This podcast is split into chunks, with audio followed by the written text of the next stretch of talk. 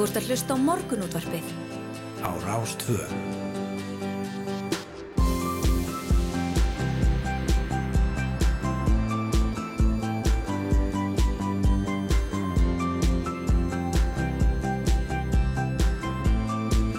Morgunútvarpið Á Rástvö. Já, góðan og blessaðan daginn. Það er morgunútvarpið sem að heldur hér af stað þriðudaginn 30. ágúst. Það verður að steytast í þessum svona síðsumarsmánuði sem Já, já. við eigum alls saman.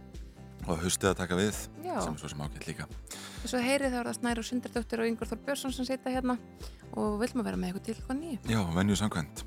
Og við ætlum að koma víða við eh, morgunbja, morgunblaði fjallaði gærum hugmyndir um að styrkja Alexandersvöll á Sauðorkróki svo hann getur verið til vara fyrir millilanda flugið Það hefur nokkuð verið rættum um Elgós á Reykjaneskaga og, og hvernig það setja hugmyndir um flugvöll í Kvassarhunni í uppnám og við ætlum að ræða við Sigfús Inga Sigfússon sveitastur í Skagafyrði um kosti og galla Alexandersvallar.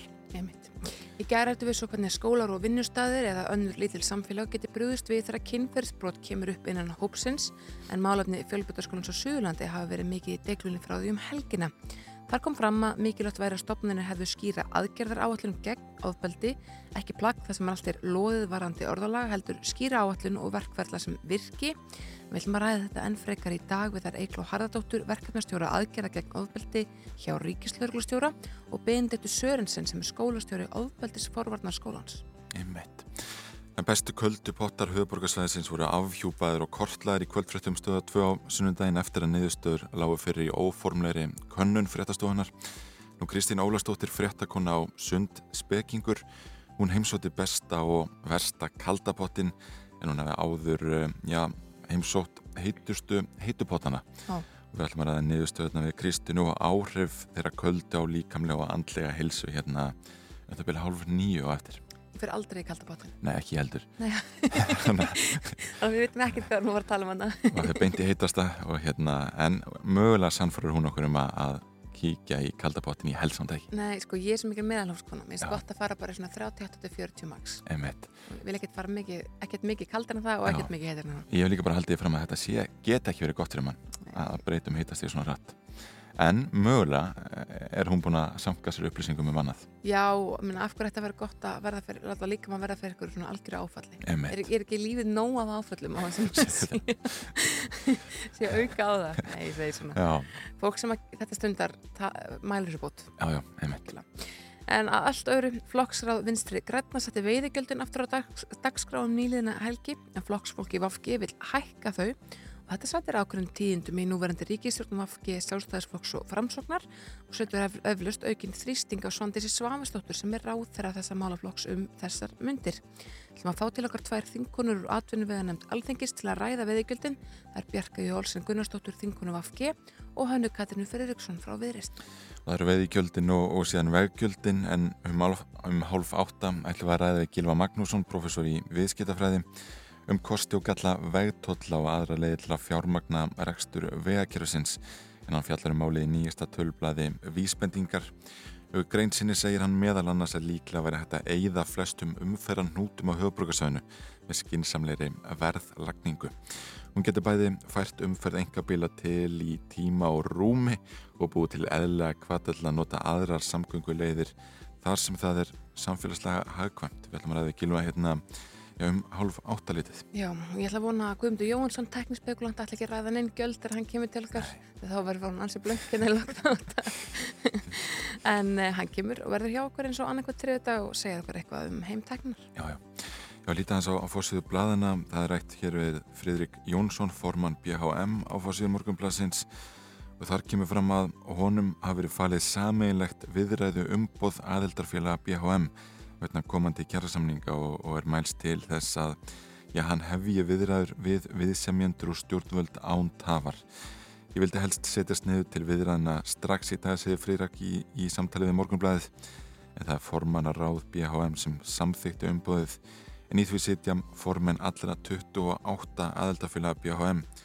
Nú félagin hafa hins síðar ár farið sjálf með viðræður af þessu tægi en hafa nú ákveðið að hefja viðræður saminuð undir fórstu Fridriks.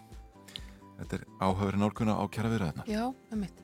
ég var ræknin að hugsa það í gæri, ég sá eitthvað, færslu á LinkedIn þar sem var eitthvað fólk sem var ráða sér til BHM mitt og þessir hérna Við líður eins og sko, verkefælisfélögin og, og svona þessi vinnumarkaður hafi aldrei svo til sem ég hef mikið sérfræðingum og verið jafn upplugur eins og undarfæra ár Einmitt. og verið mjög mikil gróska, fjóri nýjar sérfræðinga sem, sem eh, komu til BHM í gerð. Algjörlega. Uh, hér að fórsýðu fréttablaðsins er um, uh, stór fyrirsögn sér Kári vaknaður og fyrir skýrslutöku. Uh, Laurugla stemdi að því að skrá framburð Kára Kárassonar fórnalams skot árastur á blöndúsi á landsbytalinum í gær en framburður hans gæti varpa ljósi á þau málsatök sem að enn eru óljós eftir þessa skotarós. Kári Kárasson framkvæmdastjóri Vilko sem var fyrir haglabissu skoti þegar árásumæður bröstinn og heimila hans og eiginkon hans Efur Hundar Pétursdóttur yðjúþjálfa á, yðjúþjálfa á Blöndósi aðfarnótt sunnundagsins 21. ágúst síðastlinn er komin til meðvöndar segir hér í þessari frétt og uh, hér er rætti Pálaði Borgþórsdóttur lauruglustjóra á Norðurlandi Eistra en hún segir ég get staðfest að við stefnum í þessum töluðu orðum að skýrsltöku hans fyrir morgundaginn. Um, hér er líka uh, rætt við aðstanda Kára sem að lýsir í samtali við fréttablaðið að það uh, sko batans verðist vonum framar og kraftaverki líkastur. Það sé hugun harmi gegn Já, já, það er auðvitað frétt, uh, hérna þóðin hefur auðvitað beðið með öndin í hálsunum eftir, eftir uh, þessu í raun og veru og eftir því að, að þetta allt saman uh, Já, að, að fá ný tíðinda þessu máli og, og heilsu þessar einstaklinga. einmitt Já. og, og að þetta fari eins og best verður á kosið svo, já. svo má orðið komast. Ég held að segja það. Yes. Uh, hér á fórsíðan morgunblansins er rætt um Rísi Súnak. Það er náttúrulega núna verið að berjast um, um fórustusætið í, í breska íhalsfloknum uh, og þessir frambjóndur að marka sér sérstöð einhverju leiti og uh, Rísi Súnak fyrirhandi fjármálar á þeirra breyta hann segir hér að, hinn eru hörðu sóttvarna aðgerðir vegna koronavíru faraldusins í Breitlandi hafi verið byggðar á veikum vísindalegum grunni. Það hafi alls ekki verið vegnar og metnar í ríkistjórninni og öll gaggrinni kveðin í kútin og ekki hafi mátt ræða kostnaðin hvorki hinn fjárhagslega nýja hinn félagslega og þar vísar svona til þess að allt skólastarf lamast í tvö ár og að hilpiðskerfið hafi nánast ekki sint neinum hefbundnum verkefnum með þeim afleggingum að dánartíðinni snar hækkaði og bygglistar já hafi orðið óviðir ráðanlegir og orð Súnaks hafa var ekki mikla aðtíklu og umræðu sem ekki sér fyrir endan á, segir hér á, á fórsviðum morgunblassins. Mm. Það er náttúrulega komið svo tími þar sem fólk verða að líta tilbaka og, og horfa aftur á þessar aðgerðir, hvað var rétt að gera og hvað er rámt og hvað hefði mátt gera betur. Mm Og um, já, áhverð þegar, þegar ráð þeirra í ríkisvörð sem tóka þessum málum lítur tilbaka á málin og, og, segir svona. Mm Já, það, er- það er virkilega áhugavert. Hér á fórsvíu fréttablasins er uh, líka stór mynd af uh, Roki og uh, hvassri söð-austanátt á höfbrukarsvæðinu. Það er, þetta er vantilega tekið mér sínist að vera tekið frá Altanesi eða eitthvað þar um bil um, og það er bara leiðinda rók og, og talað um það að Sveifrik hafi fyrir langt yfir heilsuvendamörk í hádeginu í gær. Þannig að hérna, við þekkjum þetta. Þetta hafi verið að koma sandar frá Suðurlandi og blásið yfir höfböksveið. Takk fyrir ekki neitt, segjum við bara. Það er líklega nákvæmlega eins mynd hér á, fórsíða morgunblassins Já. af, uh, uh, já, bara mistur sem lagði yfir höfborgina og, skýði á útsinni. Einmitt. Eh, og Birgir Örn Hauskvöldsson veðurfræðingur hjá Veðustof Íslands hann segir að erfiðlega hafi með gengið að staðsetja upptök sandfóksins nákvæmlega vegna að skýja hölu yfir landinu en hann segir svipaðri vindátt spáði í dag en líklegt sé þó að mistrið láti undan síga í rigningunni Já, já, við vonum að besta. Þetta er, uh, þetta er svona spínisvekkandi en, en september er oft ljúfur Já. og ég held í vonuna um það. Já, já, einmitt, það voru svona einhverjar fréttir um það í morgunblæðin í germinni mig að, september ætti að, að haga sér ágætlega. En við ætlum að skipta yfir á fréttastofuna og komum síðan á vörmarspori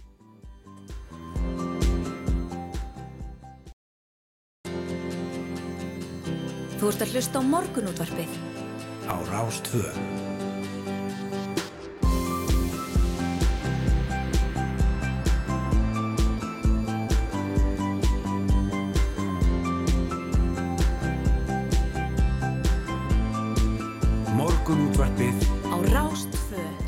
Rástvö. Morgunúndrabið býður góðan dag þriðið daginn 30. ágúst Það eru sjöfréttir að baki og það er Yngvar Þóru Snær og Sindra Dóttir sem ætla að setja hérna með ykkur til klukkan nýju og bjóða upp á eitt og annað.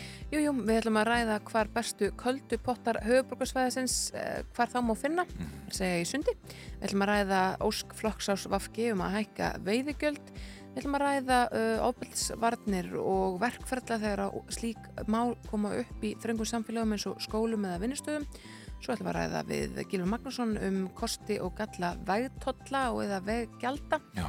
Og uh, við ætlum líka að ræða að, já, Alessanders völl á Söðrakröki Hva, hvað ætlum við að tala um það? Hvort það sé rétti völlurinn til að, að vera til vara fyrir millinlandaflugið en ef við lítum aðeins til um, veðurs þá er allkvörs söðaustanátt sem skellir á söðvestur og vestur utalansis í dag með talsverðri rigningum og tilöfnið til að minna ferðalanga á að við fjöll geta hvassir vindstrengir verið varasamir aukutækjum sem taka á sig mikinn vind Nú um landi norða-austanvert stefnir hins vegar í bjartan og fallegan dag þar sem hæstu hittatölur fara líkla í 22 stig. Já. Það er ágætis, eh, já það er ágætis dagur í, í lok ágústmánaðar. Hefur við ekki bara sendt upp þaðan? Jú, ég held að. Pakka, pakka niður og vera fyrir norðan á morgun. Já, einmitt. Já, já, við skoðum hérna hvort á, á viðstofunar, þá, þá er þetta, ég þá ætti að vera 23 stig og heiðskýrt á Húsavík klukkan 2 dag. Wow. Uh, sem er náttúrulega alveg, alveg gegjað. Við sendum bara hvaðið norður, þetta, þetta verður aðeinslegt. Á sama tíma verður uh, vera tólsteg hér í Reykjavík og uh, grenjandi rigningur okk, en hérna, en, getum, það er ekki jæmt skipt alltaf. Nei, við getum hérna orðnað okkur við það, það er alltaf hann gott við erum já. Uh, hér á veðagerðarnar segir nú einfallega að það verður bara töluvert um framkamtir á höfubrókarsvæðinu í dag og vegfærandur séu beðinir um að verða merkingar og hraðtakmarkanir. Uh, það eru lokanir á Krísuvíkuvegi á uh, Suðvesturlandi vegna kvikmyndatöku á milli 8 og 8 í gær og þánga til á morgun og svo aftur í næstu viku. Á Östurlandi er vinna við Böggafærarveg og er vegurinn grófur og búist má við steinkasti uh, og það er líka vinna á upphýraðsvegi fyrir Östan Þar maður búast við umferðartöfum því að hraðin verður tekið niður í 50 km klukkstund en allar helstu leiður á hálendinu er opnar. Þetta er óvinnulítið frétta frá vegagerinni. Það er ágætt, kannski hefur gengið vel í, í sumar að laga það sem laga þarf. Já, ræsum albygga og allt þetta.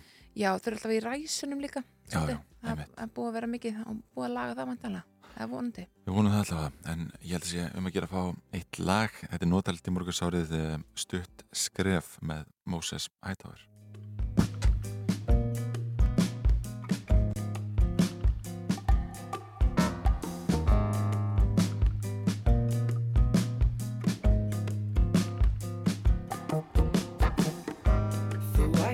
Að stikla á stóru og fara greitt.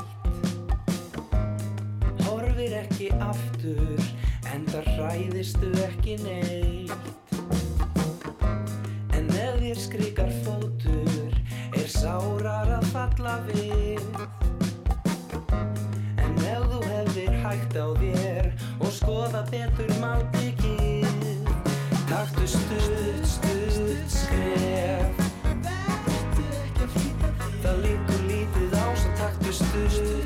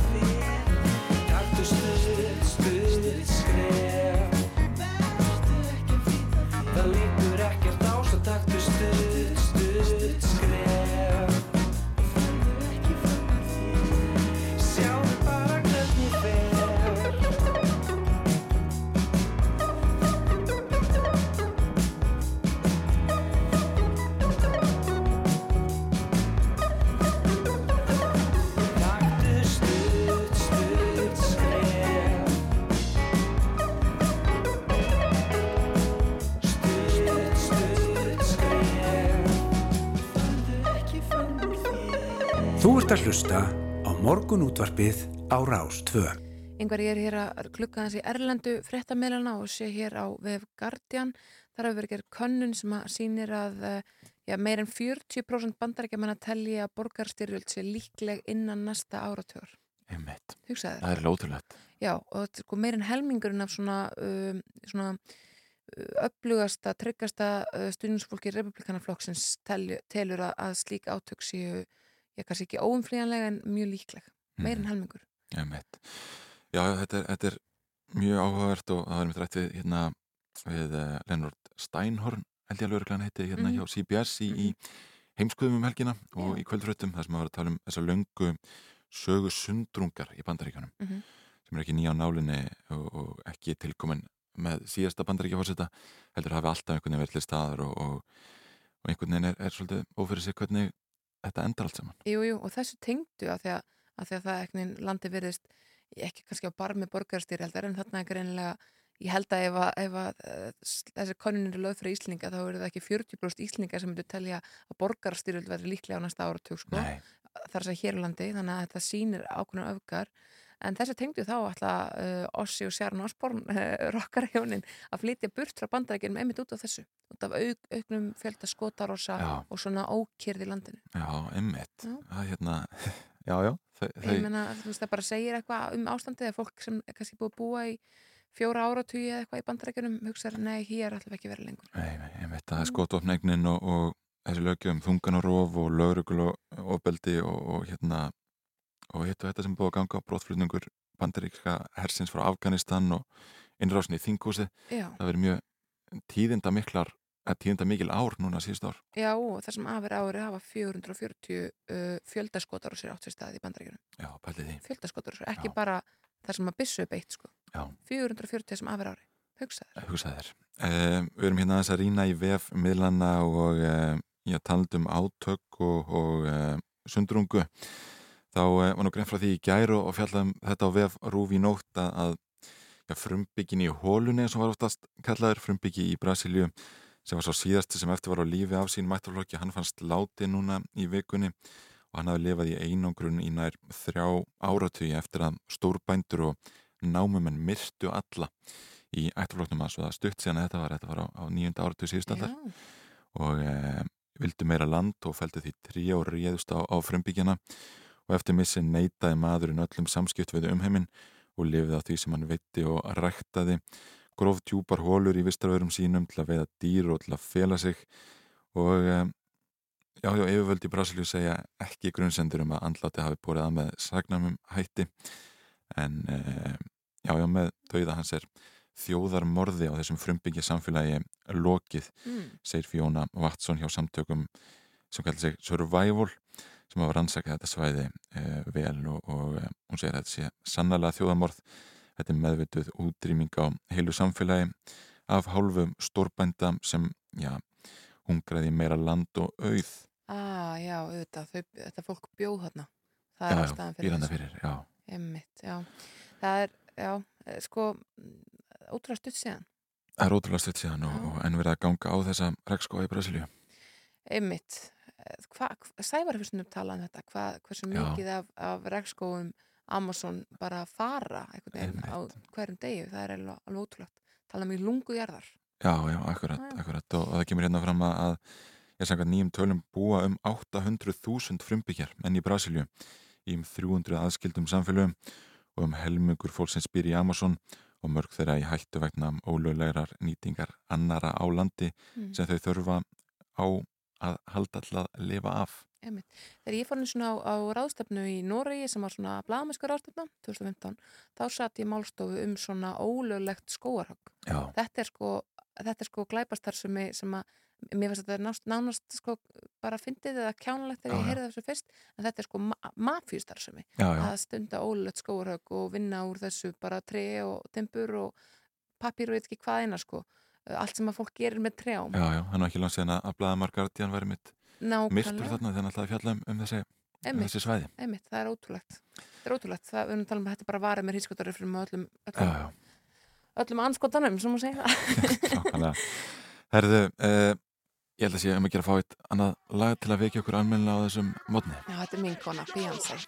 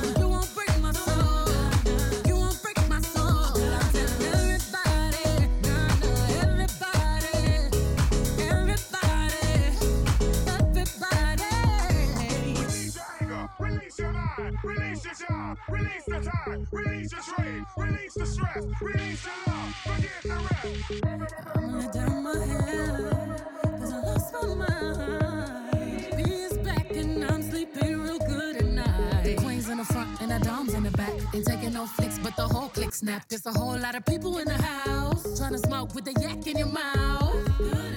And we back outside. You said you outside, but you ain't that outside. Worldwide hoodie with the mask outside. In case you forgot how we act outside.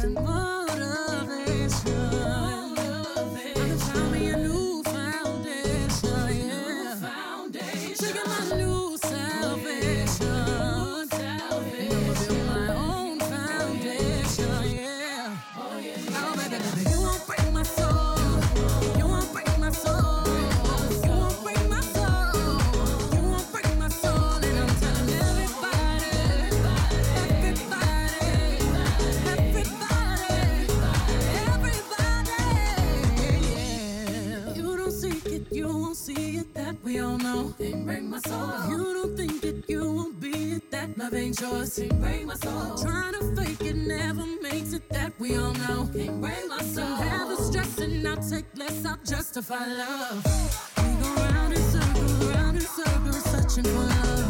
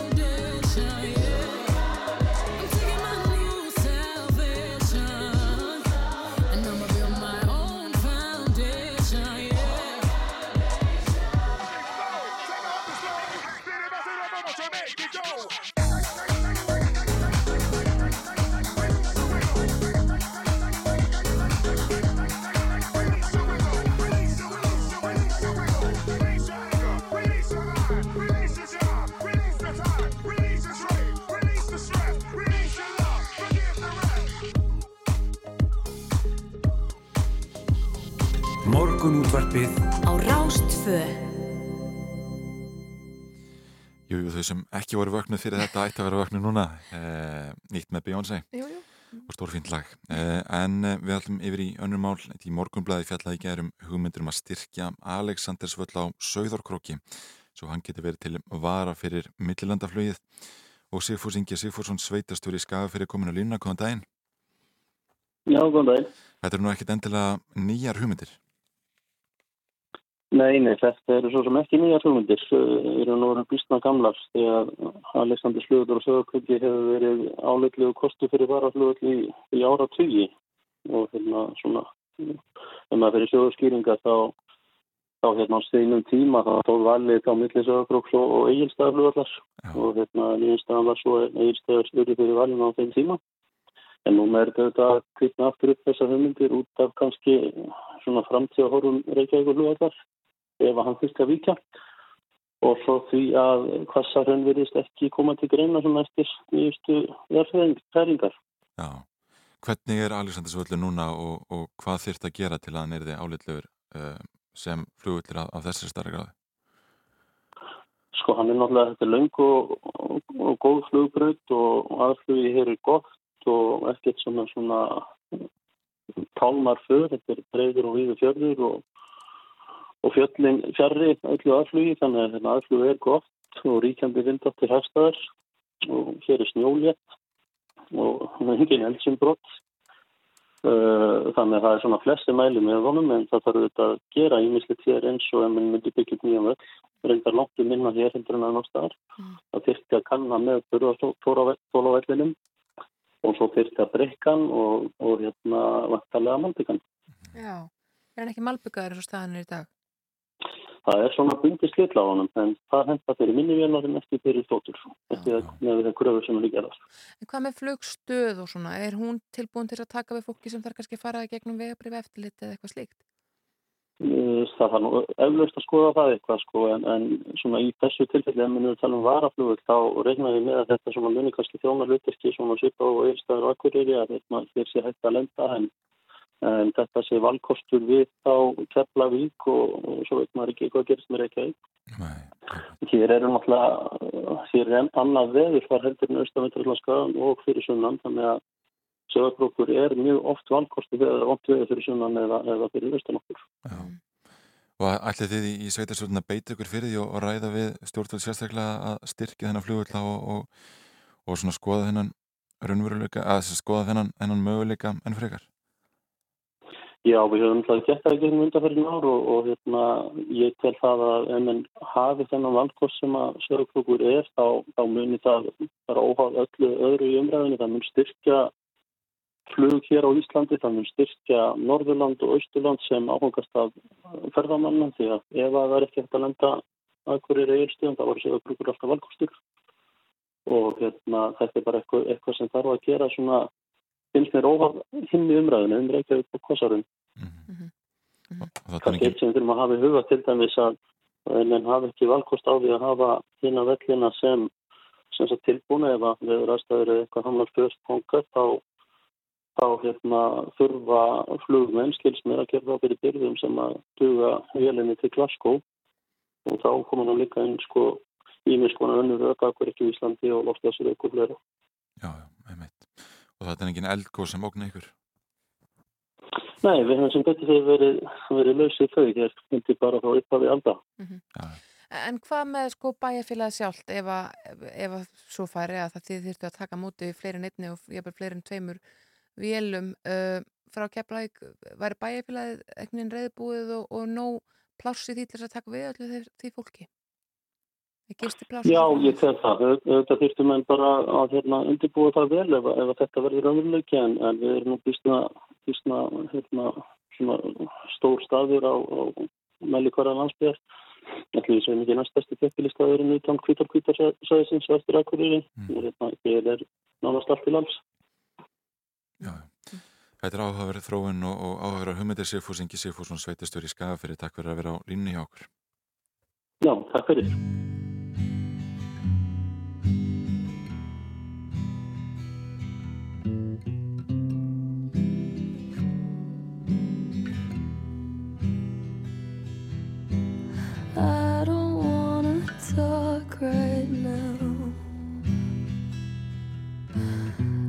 Just wanna watch TV. I'll stay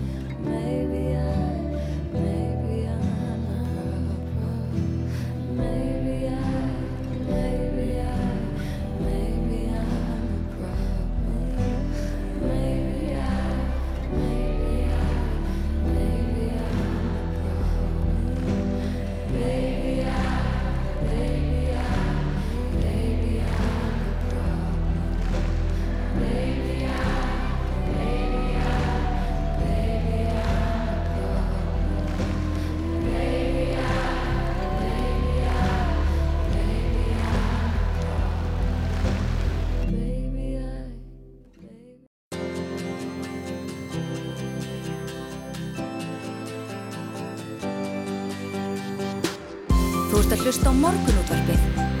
Á Rástvö Bretta yfir þetta baki og hér höldum við áfram í morgunútvarpinu og við viljum að ræða veggjöld og vegtólla við Gílu Makkarsson, professori viðskiptafræði hér eftir skammastu Nei meit og það er spurningur til það snert einhvað vesturbæin en þetta er alltaf vesturbæjar beats með hljómsveitinni BSI Ég ætla rétt að vona að vera ekki settu vegtólla á, á háslagutuna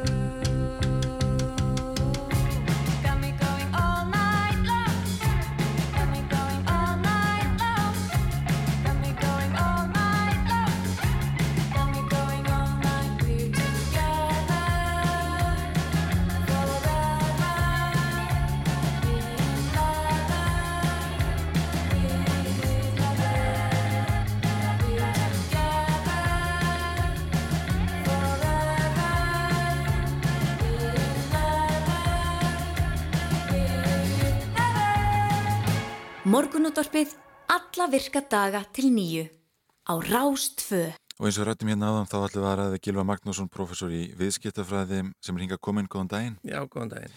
Þú varst að skrifa um kosti og galla vegtolla og ymsar huglegingar tengdar þeim í uh, nýgista tölublaði vísbendingar. Uh, sko, þú, þú talar til að mynda um það að sé afleitt að innhemta bara vegtolla þar sem það verðist að skilja einhverju fjö.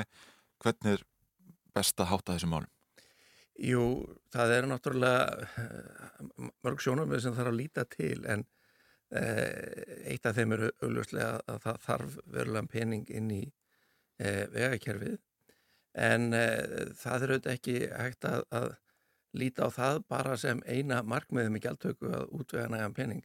Það verður líka að horfa til þess hvernig gjaldtakan hefur áhrif á nýtingu á kerfinu og, uh, og auðvitað hvernig gjöldin skiptast á, á landsmenn og uh, svo er, er, er svo sem nýtt vandamál líka að um, samgöngukerfið eða vegakerfið hefur fyrst og fremst verið greitt með álögum á, á bíla sem brenna elsniti en nú fer Mhm. þeim fækandi sem betur fer og, og rámasbílar eru með sífælt stærri hluteld og, og þeir borga nánast ekkert þannig að, að ég vil líta á þetta heilstætt hvernig á að bregðast við því að, að eh, bílarnir eru að breytast og uh, svo fjárþörfin og þá sýnis mér skynsalagast væri að vera með blandaða uh, vegla, uh, sem væri fyrsta leið þannig að allir sem aka bíla myndu þurfa að borga til dæmis per kilometra það getur orðið eitthvað mismunandi eftir þingd bíla því að þeir slíta nú vegkjörnum mjög mismunandi eftir hvað eru stóru og þungir Eh, og svo væru við með einhver mengunagjöld sem að væru þá á bíla sem að brenna bensíni og dísel og uh, loks væru við með uh, gjöld til þess að stýra umferð.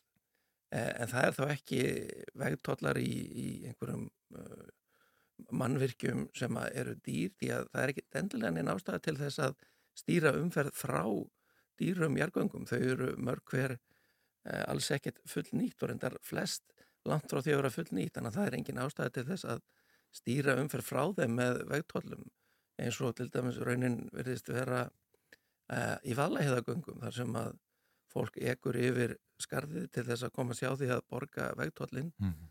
þó að það séu nú engin ástæði til þess að beina fólki í skarðið.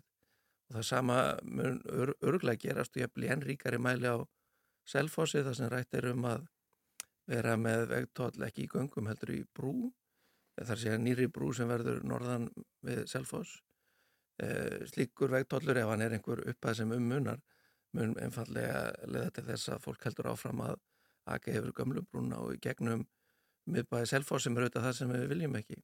Mm. en sumstaðar beinlínis viljum við beina umferð frá ákveðnum umferðaræðum eða allavega frá þeim á álagstímum. Það er sérstaklega höfuborgarsveðinu Þannig að, að ég held að, að, að þriðja stóðin í e, tekjumótilinu gætu verið e, veggjöld sem að reyna að, bæta nýtingu e, samgöngukerfisins með því að færa umferð frá stöðum og tímum þar sem að allt er í hnút vegna mikils álags. E, fá fólk til þess að fara til dæmis fyrir á daginn í vinnuna einhverja í stæðan fyrir að keiru miklu brautina um klukkan átta eða, eða fara aðra leiðir uh, taka strætó eða hjóla eða ganga og svo framvegis. Mm. þannig að, að, að vegtóllar eru mjög öflugt tæki til þess að, að, að stýra umferð og bæta nýtingu samgöngukerfisins.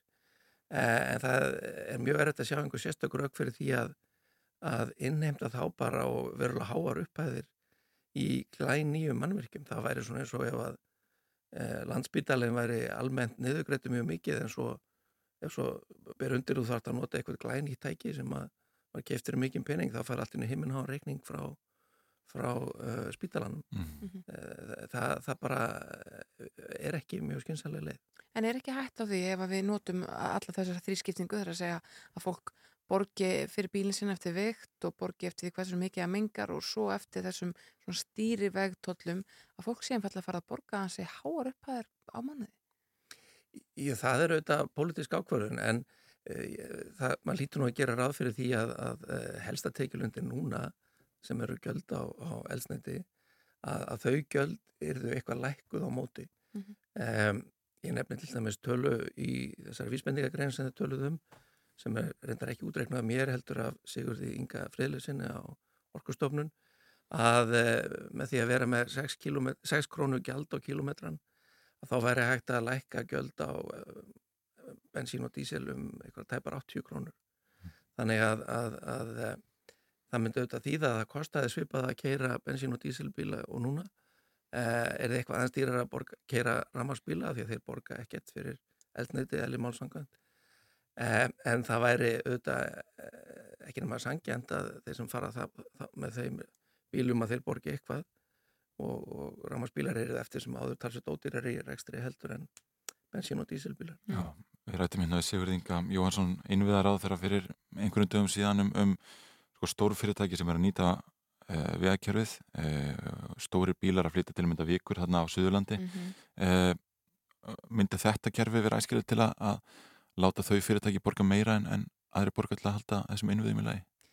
Já, það væri tilturlega augljóst að, að mjög þungi bílar eins og einhverju vörflutningabílar fullir af, af vikri eða einhverju öðru að þeir slíta margfalt meira eh, heldur en fólksbílar þannig að þeir ættu augljóslega að borga meira per kilometra. Það talaði um á við 10.000 smábíla.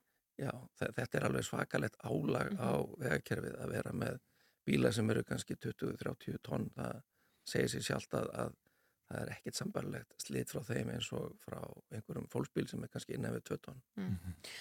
En hvað með sko svona gjöld þegar kemur að, að, eh, að álægi á fátaka versus ríka? Hvernig getur við stýrt í þannig að, að álögurna leggjast ekki þingst á þau sem að minnst hafa melli handana?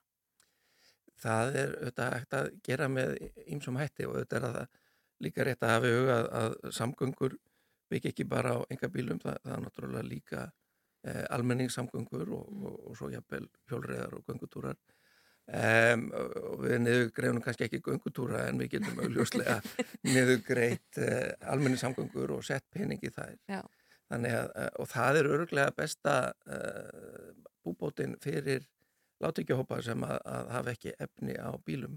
Mm. En svo er þetta líka hægt að hafa gjöldin á bíla þannig að þau séu herri á tildulega dýra og, og, og stóra bíla sem að vantalega auðvura fólk eða fólk með herratekjur kaupir frekar heldur en, en minnstu fólksbílana. Það er alveg að stilla það af, það er bara pólitísk ákvörðun. Já, en heldur að skapist einhvern tímann samstaða um að ráðast í, í svona umfórsmiklar aðgerir? Já, það er, er hutta pólitíst vandamál og kannski ekki mitt sem hagfræðins að leysa það en eh, ég hefði nú haldið að, að eitthvað tildurlega heilstætt kerfi sem að, að verði skinsanlegt að það sé nú alveg hægt að selja það eh, pólitíst að allir dæmis hljóta allir að sjá að það er ekki ellett að sleppa alveg ramarsbílum við að borga fyrir vegakerfi það er nú svona alla hægt að hvart undan því að þær álögur séu eitthvað er eh, og svo hljóta líka allir að sjá að, að kerfið sem bætir nýtingu og dregu þar með úr uh, töfum og, og fólk kemst hraðar leiðar sinnar að, að, að það sé hægt að fá samstöðum það. Eh, þessi leið með vegtollana virðist nú þessu en ekkert mjög vinsæl, hún skorar ekki mjög vel í skoðanakonunum með að við nýjustu fréttir Nei, með mitt. Gilur Magnússon, professor í, í viðskiptafræði, takk fyrir að, kíkja til okkar í morgunundarpið. Takk ykkur. Og við ætlum að, að, að spila aðeins meiri tónlist og Já. síðan er margt framöndun í okkur. Já, þess að þetta sé okkur Eikló Harðardóttir sem er verkefnastjóri gegn, að aðgerða gegn ofbeldi hjá Ríkislauglustjóra og Benedita Sörensen, skólastjóri ofbeldis forvarnar sem að ræða við um aðgerða áallin gegn ofbeldi, verkferðla ef upp kemur ofbeldi í litlum samfélögum, svo sem skólum eða vinnustöðum og allt þessu tengt hér til skamastund. Hei, hei, heyrðu mig góða, þú gerir það nú Gefðu mig blíðu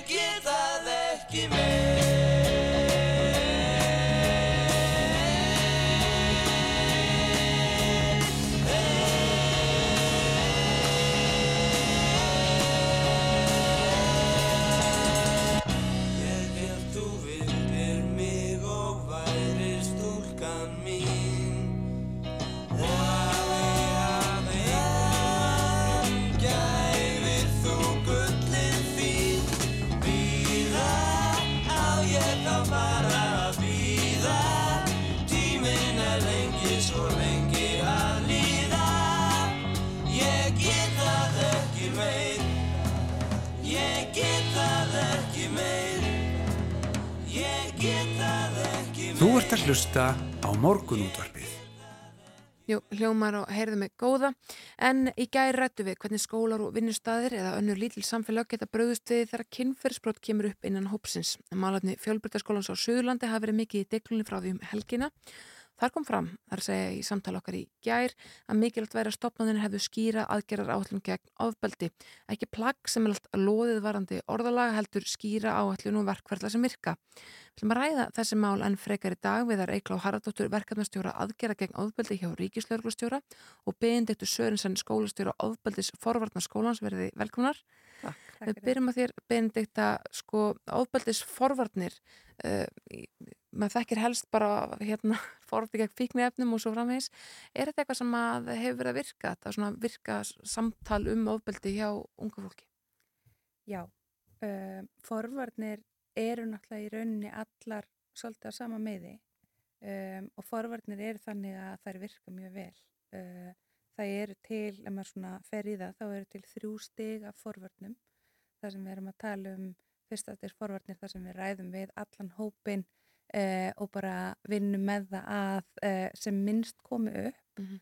Og svo erum við að tala um uh, annarstigs forvarnir, það sem eru átök, það sem við kannski siktum út sérstaklega þau ungmenni sem að eiga á, eiga á hættu uh, að verða þá í tilfelli ofbeldisforvarna, verða fyrir ofbeldi eða beita ofbeldi um, og síðan erum við þriðastisforvarni sem er það skadamingun og þar erum við til dæmis að tala um þessar uh, áætlanir sem að verða að vera til í skóla, þar sem við erum það er þá þriðjastigsforvörn sem að hérna, þar sem við verðum að vera tilbúin alltaf að grípa þólendur og líka gerendur, sérstaklega í tilfelli svona ungra gerenda um, þá verðum við að vera tilbúin að grípa þau og minkar skadan uh, eins mikið af mögulega getum. Og komið þið þá að því að gera aðgera áallin með stopnunum og, og skólum öðru slíku eða, eða hafa einhver leiðbeiningar? Við höfum verið með svona ráðgjöf já, um, en svo kannski ef ég kasta þá boltanum yfir til eigluar þá eru til aðgerðaráallinir uh, og alveg, alveg tölvert af þeim og margar hverjar mjög góðar þar sem hafa verið gerða nýlega. Ég, ég held að, að, að langfærs flestir, allan að það er heimasýður til dæmis á framháskólum sem, sem ég hef skoðað, eru með uh, viðbrasáallanir, uh, þau eru með jafnisáallanir, þau eru með áallanum það hvernig á að standa að fræðslu, en, uh, en einhver leiti held að við Benedikta vorum að, að ræða þans um það að, að, að eitt er sérst að, vera með áallanir, en síðan þarftu að æfa sérst nótkunn í viðbræðinu. Þannig að annars er að ertu eins og hún að tala um með hérna, mismöndi forvarnið þar sem þú ert með fræðsluna þar sem þú hana, en þú þarft að æfa síðan hvernig þú ætlar að bregðast við. Þannig að við reynum að gera allt til þess að tryggja það að ofbeldi eigi sér ekki stað en þegar það á sér stað að þá eru allir sagt, með þá reynu hvernig þú ætlar að bregðast við. Uh, það var líka uh, hlust að viðtalið myndi í gær við hana steinunni talskonu stígamóta og það sem hún var líka sérst, að leggja svo miklu áherslu á að, að það þyrft að vera ákveðin sveigjarleiki í viðbræðinu. Þannig að þú væri þá að mæta þólanda uh, þannig að, að hlusta eftir því hvernig, hvaða er það sem þólandi vil. Og þetta er það sem ég heyri líka sama eins og lauruglan sérst er að leggja áherslu á þegar þólandi kemur og, og veistu, eða er að tilkynna brot eða það er upplýst um brot að þá er svo mikilvægt að mæta þólandunum þar sem hann er og, og vinna málinu og þeirrum fórsendu. Þannig að bara til þess að við högstum út í það við sem er unni á vinnustöðum búr út um all, all land að við vitum að það eru haldna brunæfingar við setjum flestur um að skilja okkur heim nú eftir sumarlefi margir vera ellendis og fór í flugvél. Hvað gerum við alltaf í upphæfu flugsins? Það er æft, af, aftur og aftur sama viðbræðið, þannig að þegar hlutinni gerast að þá er fólk með þá reynu hvernig það að bregðast við. Mm. og uh, þannig að, að það, það er Þess vegna kannski lík, sérst, það sem við gerðum núna í sumar í tengslu við vitundavakninguna varðandi uh, kynferðsbrot eða kynferðsábeldi í tengslu við skemmtanir og viðbyrði. Að þá annars eh, vorum við með sérst, almenn skilaboð en við by- byggum líka þá til í samstarfi við Benediktur svona þjálfuna pakka sem við vorum að bjóða þá viðbyrða höldurum. Og að því að hér eru, sérst, sem maður segja kannski að, að ástæða fyrir við sitju hér er, er það sem hefur verið í umfjöllun fjölmjöla undanfanna daga varðandi framhalskólana að, hana, að þá það, það er, eru haldin mjög margir og stórir viðburðir sem, sem tengjast hérna skemmtarnalífinu. Þarna er oft þessi ungt fólk að taka sín fyrstu skrefrunar inn í skemmtarnalífið og, og, eh, og þess vegna held ég sé svo mikilvægt að huga þessu, veist, að hvernig þú skipulegur viðburðina, þjálfun á starfsfólkinu sem er að starfa í tengslum við viðburðina, þeir sem er í gæslu. Og ég allan að var nokkur sinni í gæslu þegar ég var í framhanskóla á sínum tíma og, uh, og þá man ég ekki eftir öðru en það að maður mætti bara. Uh, ég var líka á sínum tíma til dæmis í gæslu í, í Vespanöfum, sama, maður bara mætti og, og hann á reynd að gera sitt besta en, en við núna til dæs í sumar að, að þá var Benedikta með uh, þjálfun fyrir til dæs gæsluna í Vestmannaum og maður sá það bara eins og til dæs á fréttaum fjöllun hér á Rúf hvað uh, allir starfsmenni sem tengdust þeim viðbyrðu voru að tala um að bæði hvað þau verið bara öryggari, þau voru sagt að, að nýta sér þau tæki sem Benedikta var að láta þau hafa og, uh, og, og, og, bara tilfinningi var það að hlutinni gengur betur. Hvern, hvernig fer slík þjálfum fram, slík æfing? Um, það er í rauninni sko, um, þetta er allt svolítið svona marglaga. Uh, það er ótrúlega mikilvægt að fá fræðslu um, og ég vil aldrei vera þekkt kannski sem manneskjan sem talar alltaf gegn því að fólk fái fræðslu en þetta að þjálfa og æfa okkur.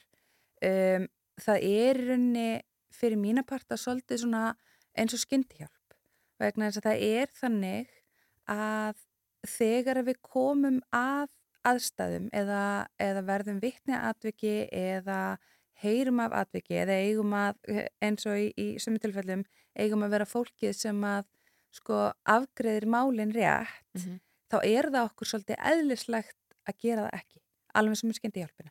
Alveg sem þurfum við koma að slísum að þá frjósum við eða gerum þú veist rámt eða bara forðum okkur sjálfum úr aðstæðanum. Um, við þurfum að þjálfa okkur ótrúlega mikið í hver verða viðbröðin mín þegar ég lendi í þessum aðstæðum Mhm.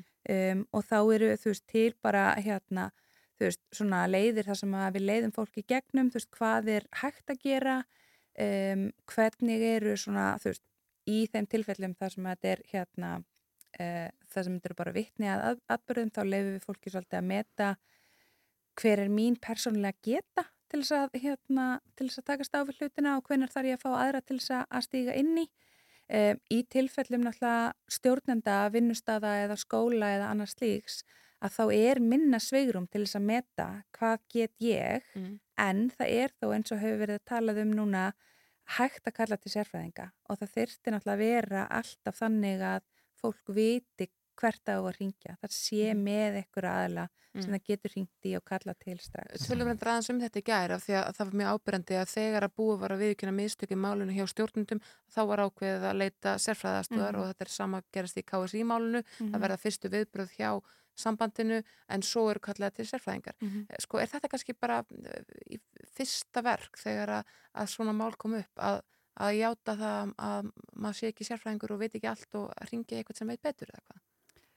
Eh, ég held að það sé sannlega eh, skiptir náttúrulega máli að, að, en það sem eh, eh, raunar eh, allar, eh, má segja áallan er að það sem er verið að vinna að eins og til dæmis með að setjast á forvarnateimi innan grunnskólana, forvarnateimi sem eru starfandi sérst innan, innan framhalskólana, uh, jafnbrytisnefndir innan, innan vinnustæða að þá, þú átt að vera með þessa þekkingu þá til, til staðar og, uh, og þannig að, að þú sért að búin að eiga sérst þetta samtal þann, þannig áður um það hvernig þú ætlar að bregðast við.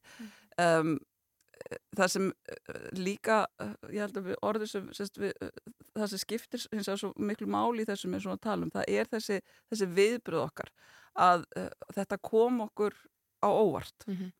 uh, það er þannig að við horfum bara tölfræða lögreglunar að þá er yfir 60% af brotaþólum eru undir átjónara þannig að uh, ég held að sé mjög mikilvægt við, að við reynum að gera allt sem við getum gert til þess að koma í veg fyrir að ofbeldi á sér stað en við þurfum hins að líka horfast í auðvitað á sér stað, Mhm. allstar þannig að uh, það getur gerst eins og nefnir innan knaspinurhefingarnar, það getur gerst innan stóra vinnustada, það getur gerst innan skólana út um allt samfélag. Mm.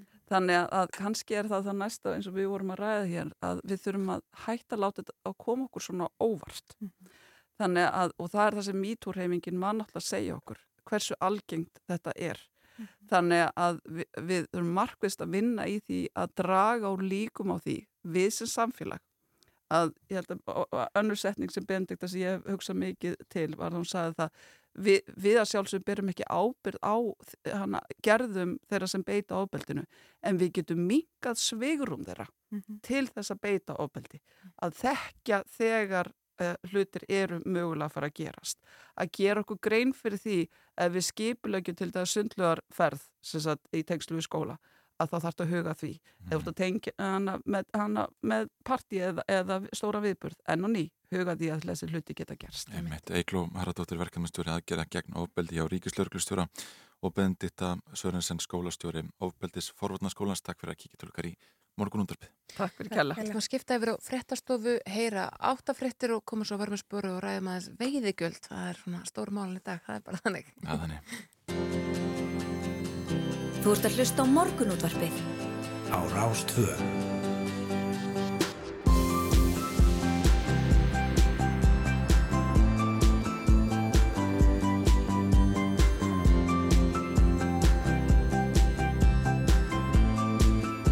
Rástvö. Morgunútvarpið á Rástfö.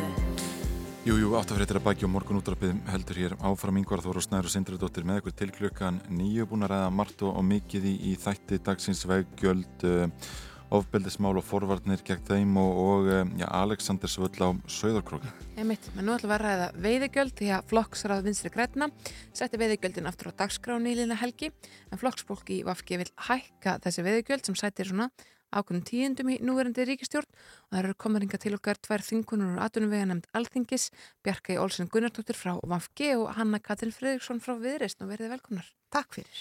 Skulum uh, byrja kannski á þessum flokksásfundi ykkar í Vafki Bjarkei um helgina. Uh, þið vilja hækka veiðigjöld og eru þetta með ráþæra málaflokksins innan ykkar flokks. Hva, hvað hérna, hvað standur til? Já, sko, það er svo sem ekki nýtt hjá Vafki að vilja hækka veiðigjöld og hafa það öðru sem við gerum það í ríkstjórnina hérna áður, það er sér 2009-13 og þá settum við á svo kallar sérstætt veiðigjald sem var aðkoma tengt og kannski má segja mistökinn þaðan í frá hafi að ver, verið að hafa það engangu uh, afkoma tengt af því þau voru þetta almenn og svo sérst, þetta sérstakka veiðigjald.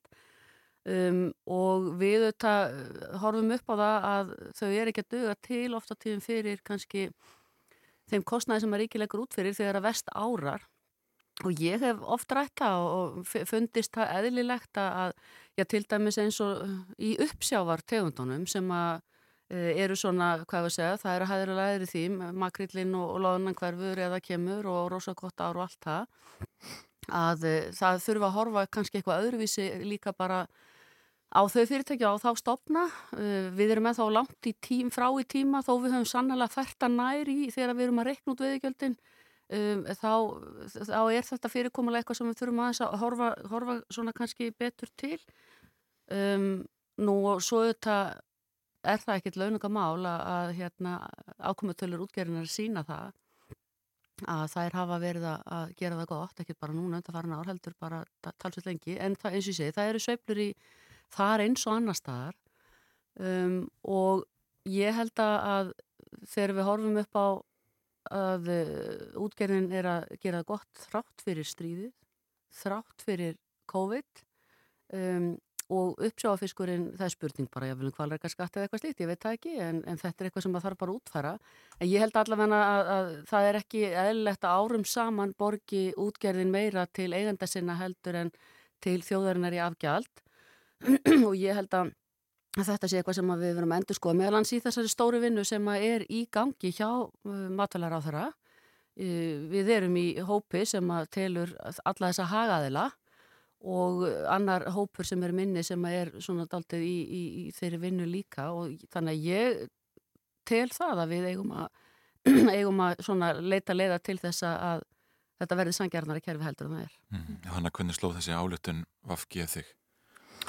Já, þetta eru náttúrulega svolítið tíðindi en kannski ef maður fer aðeins aftur og því það var nú margt svo sem kom fram á þessu þingi. Mér fannst hérna köld kveðjan hjá varaformanun til samstagsflokkan í ríkistjórn þegar hann lýsi því yfir að, að hann vildi sjá annars konar ríkistjórn og, og, og það er ekki eins og að sé ekki reynsla á þetta þryggja flokka samstafur, það eru fjögur ár og svo er blikja vatna þorna á framhald samstafsamningi þegar þessi skilabó koma um, og af því við erum að ræða veðigjöld þá var líka mjög áhugavert að heyra að, að, að þessi stjórn væri þarna eða vafki í stjórn til að passa eitthvað gerist ekki.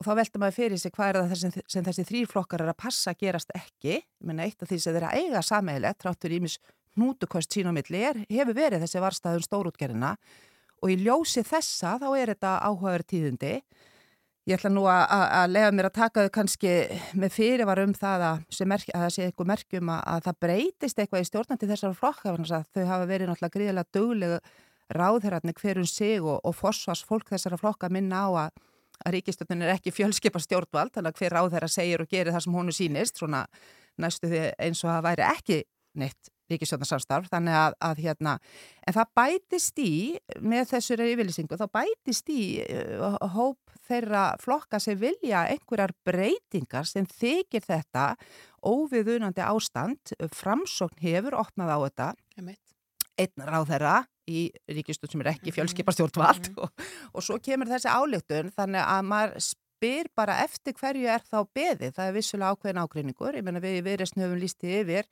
og svo sem fleiri flokkar að leiðin sér ekki endilega að hækka skatta á þessi eða veiðigjöld á, á, á útgerðin heldur beita öðrum leiðum til að tryggja sangjant afgjald um, en, en fyrst og fremst lítur að vera máli að ná samstöðu meðal stjórnmáluflokka um að það þurfa að gera breytingar.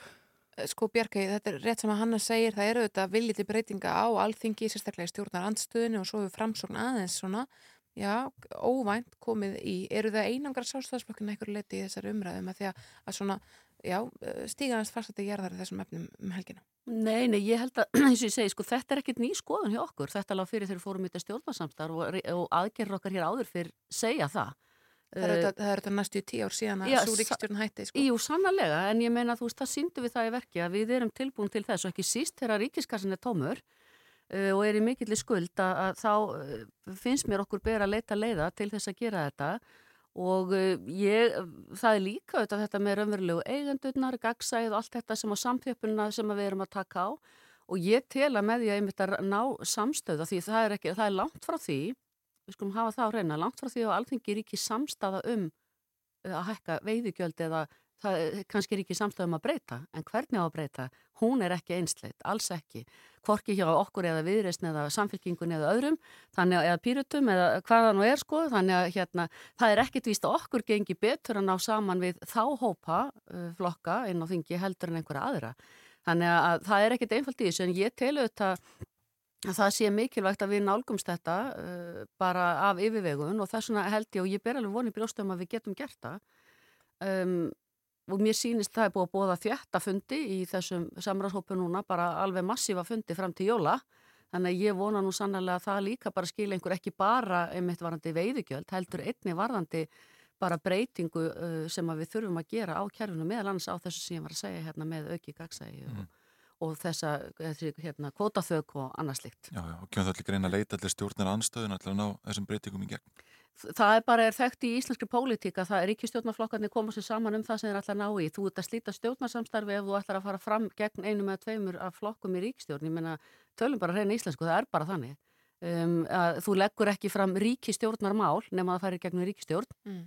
Það er bara þannig. Þannig að Svandís myndi ekki leggja fram hækkum veðigjald á meðanur í ríkistjórn með sjálfstæðsflokkum? Nei, ég er að segja það ef að, e, báðir þeir flokkar sem við erum með í ríkistjórn eru þú andvíðir þeirri tillögu sem að hún kemur með, alveg eins og við erum kannski andvið einhverju annari tillögu sem einhver annar ráþæri í hinnum flokkunum er með, þá auðvitað fer það ekki svo auðvitað í gegnum ríkistjórnaborðið, eðlilega við erum saman, uh, erum að vinna saman mm. og þess vegna uh, verðum við í rauninni að ná einhverju samkómulegi um það, síðan auðvitað tekur alltaf alþingi við og vinnur málið áfram og það þekkjum við hanna hefur gæst og hefur tekið talsverðum breytingum ofta tíðum ímismál sem hefur verið og ég menna, við gengjum mjög vel eða erfilega við getum orðað þannig mm. en ég, eins og ég hef trú á því að við náum einhverju gegn uh, hvernig og hvað svo sem að það verður Er þú bjart sann að það hanna? Nei, ég er það ekki, ekki eiginlega, ég var, var bjartsinni fyrir þennan fund og þessi skilabóð sko, ef, ef svo maður segja því ég hef trú á því að, að, að, að Svandís er, hún er duglegur og, og, og verk mikill ráð þeirra og það er stundum ókostur og stundukostur um, og hún hefur svo sem lístið vilja til breytinga en, en það er kannski þetta sem að Bjarki segir í huga viðrisnar og ímis annar flokkar, endar úr stjórnaranstöðinu, þá er þetta prinsipmál að breyta. Kemur ekki því við að nú sé uh, ríkiskassin tómur og þau þurfu meiri peninga með því að skatleika einhver ákveðna atvinnugrein. Við erum bara ekki þar. Þetta er bara snýst um prinsipið að hér sé ekki ríkistyrt atvinnugrein vegna þess að atvinnugrein sem fær aðganga af þjóðaröðulind án þess að greiða þeirra það eðlert afgjald hún er ríkistyrt. Það er bara þannig og minn geta farið bara orðhengilshátt með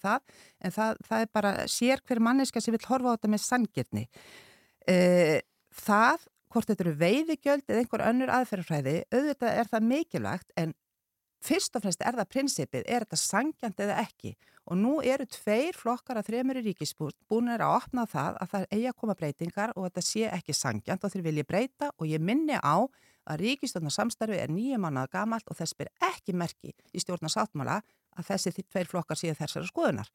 Þess vegna er ég ekkit sérstaklega björnsinn. Mm. Líka það að mér virðist núna sangat orðræðunni að þessi vinna sem sjárat matvælar á þeirra heitir það hefur farið á stað með til breytinga eigi fyrst og fremst að lúta því að skoða stöðu sem öllum er ljós, vinna búið nýtt skýslur sem hafa verið unnar, tala við fólk sem allir vita hvað finnst um málið og síðan eigi mögulega vonandi að ná að skilja einhverju frumvarpi, breyttu frumvarpi eftir þrjú ár. Þá er komið kostninga ár og það verður ekkert gert. Þannig að nei, ég er ekki björnsinn, því miður. Er það planið? Nei, nei, sko, hópurinn á náttúrulega ekkert að skila eftir þrjú og eins og ég minni bara á það er ákveðin verkefni stjórn líka yfir þessi, þessi stóri samráðsópurinn og síðan er verkefni stjórn og ég talaði um fundi hérna fram á jólum uh, og við vitum það líka hérna að það gerist oft ekki mikið á síðasta ári rétt fyrir kostningar en við erum ekkert að tala um það að koma fram með eitthvað mjög seint. Ég ætla bara að bera það voni brjóst að við getum náð breyting og ég vil bara ítrekka það að ég hef alltaf talað fyrir því að útgerðin hvort sem hún er stóra eða smá, borgi sangjart gjald fyrir afnótin. Mm. Þegar ég nefndi þá saði ég meðal annars af því að ríkisjóður er tómur, ekki mm. síst þess vegna, að þá fyndist mér að við ættum að horfa til þess jafnvel og ég nefndi kvalreikaskatt. Mm. Um, eins og framsóknir það, það er uh, eitthvað sem að mér hefur fundist vera og ég vil líka bara horfa eins og öðruvis á þetta við, eins og segjum, við erum með uppsjáðategundir sem að eru með uh, hérna, rosalega mikla sveiblur reiknis líkanir eins og er minnst okkur í dag er, er ekki alveg gott í kringum það. Mm -hmm. þannig að ég held að það sé líka eitthvað sem við þurfum að horfa til. Kannski þurfum við að hafa uh, það með ólíkum hætti á milli útgerðarforma eða eitthvað slíkt. Þetta er allavega eitthvað sem að verður alveg örglega tekið til umræðu á milli hérna og í þessum stóru hópum. En Sko, við vorum hérna öll þjóðum fylgist með þættinum um verbúðinni hérna um síðustu jól allir með öndinni hálsunum spentir og svo framvegs. Uh, í svona umfjölduninu sem kom í tengslum við verbúðina þá uh, var svolítið fjallað um það hvernig uh, þessu fiskveðstjórnarkerfi okkar var komið á hérna fyrir árið 90 og svo kom framsali 91 eða hvaða var og, og þetta hefður um veru það verið komið á kerfi sem var aldrei tilbúið og það var alltaf verið að vinna með það svona, það var stöðugum breytingum mm. og stöðugt verið að, að, hérna, að gera svona tilraunastarfsemi, við getum orðað þannig. Svo saga, henn er ekkert lókið. Við erum búin að vera í þessu ástandi núna í 35 ár eða, eða meira. Hvernig væri að þið á þingi myndu setjast niður og það er þið einhvern veginn, þessu við komið eitthvað form sem við getum treyst á. Er það ómögulegt? Það er ekkert ómögulegt í lífinu en það getur kosta heilmikinn tíma og, og, og fjás og allt það og eins og við erum búin að vera að sjá mörg mál um, alveg sama þó þeim sé breytt í einhverjar átt til hins betra mm. en bara því það er ekki allt undir sem öllum líkar að þá náðu ekki gegn. Þetta á við um mjög mörg mál á alþingi sem við fjöllum um því miður. Þannig að sko smáar breytingar ná oft ekki fram að ganga vegna þess að það er einhver ekki sáttu við að eitthvað annað næri ekki um leið fram að ganga. Þannig ég held að, að þetta er alveg gerlegt. Og ég hef líka mjög oft talað um það ofinberlega að ég tel, sko, ég, ég, ég tel sjálf sér að kvótakerfið, eða hvað sé, fiskveiðstjórnarkerfið, ekki kvótakerfið, fiskveiðstjórnarkerfið sé í sjálfu sér ágætt og hefur gert okkur kleift að stýra veiðunum framsalið hins vegar og veðsetning á heimildum í sjó er eitthvað sem ég held að hafi alltaf verið til vans á þessu kerfi. Mm, Ríflega 30 ára gömur. Já, og þessna segið og við okkur gengur mjög hægt að ná einhverjum uh, svona saman um það að breyta því með einhverjum tildingum hættu og það er ekkit einn flokku frekar en annar, þetta er bara almennt í samfélaginu eins og ég segi um mjög mörg mál að hérna við þekkjum nokkur mál sem við höfum verið að fjallum ár eftir ár, stór mál í samfélaginu En væri eitthvað hægt að leiða þetta til lykta hana? Meina, er sko, það, er þetta, þetta er allt rétt uh, sem Bjarki segir, nema kannski það að sé ekki einn ein flokkur í, í þessi mála því ég held að við vitum það alveg, það eru flokkadrættir, það er, það er mismunandi nálgun á, á, á milli flokka í þessu tiltekna máli, hvort mm. breyta skuli þessu kerfi í átti meira sanginnis fyrir þjóðina. Um, án þess að stefna þessu mikilvæga atvinnu, þessari mikilvæga atvinnugreini hættu og, og, og eitt af því sem stendur jákvæðum breytingum fyrir þrifum að það er alltaf farið í það að þeir sem tali fyrir breytingum á þessu kerfi, á útlutinni og hvernig greitt skulu fyrir hana séu að vega að rótum kvótakerfisins sjálfs sem þýði ofveiði og, og, og, og, og svo framvegis eh, sem er náttúrulega alránt og þess vegna held ég að ef að við ætlum eh, að ná viðunandi niðurstöð og breytingum fram þá þurfa mann eiginlega að skuldbytta sér fyrir fram uh, stjórnmáluflokkar til þess að vinna að þessum breytingum vegna þess að það sem einkennir og til dæmis það sem Bjarki var að lýsa er það að stjórnmálamenn eru fárálega flinkir í því að tefja mál. Og það er að ræða í þrjú ár um eitthvað mál á þeim nótum að þessi samstæðum að breyta tökum bara stjórnarskar breytinga tilröðun á síðasta kjörtjöfumbels, þú veist. Það er allir að vinna af heilum hug í gæsaleppum að einhverju breytingum svo þau kemur að þið reyka lokapunktin þá fyrir allt í baklás og menn myndi þetta ekki svona og þetta er ekki þetta og eitthvað annað þarf að gerast eins og þú segir Bjarkei þannig að þá verður þetta bara einn allserja síndarleikur um, þannig að ef við ætlum að breyta þá þarf einhvern veginn að byrja á því að ná samstöðu um einhverja grófa mynd og vinna svo aðinni hitt hefur bara einhvern veginn sínt sig að vera tiltöla döðadæmt um, en að því sögðu og þrátt fyrir það að ég sé ekki mjög bjassinn, þá óska ég þess sannlega, þess að staðan er svo, sama hvað menn segja, að á alþingi Íslendinga er meiri hluti fyrir því að það verði gerða breytingar á þessu í réttlættis átt. Hvort sem að menn greina á um einhverja útvæslur ekki, þá er meiri hluti fyrir breytingum. Þetta verður að vera lokaðurinn hjá okkur núna, við meðlust eftir að þetta meira núna Þúsund næstu vikum og, og mánuðum og árum en uh, Bjarki Álsson Gunnarsdóttir Þinguna Vafki og Hanna Katrín Frýðursson frá Viðrist, takk fyrir að, að kíkja til okkar í morgunúttarp. Kæra Takk fyrir.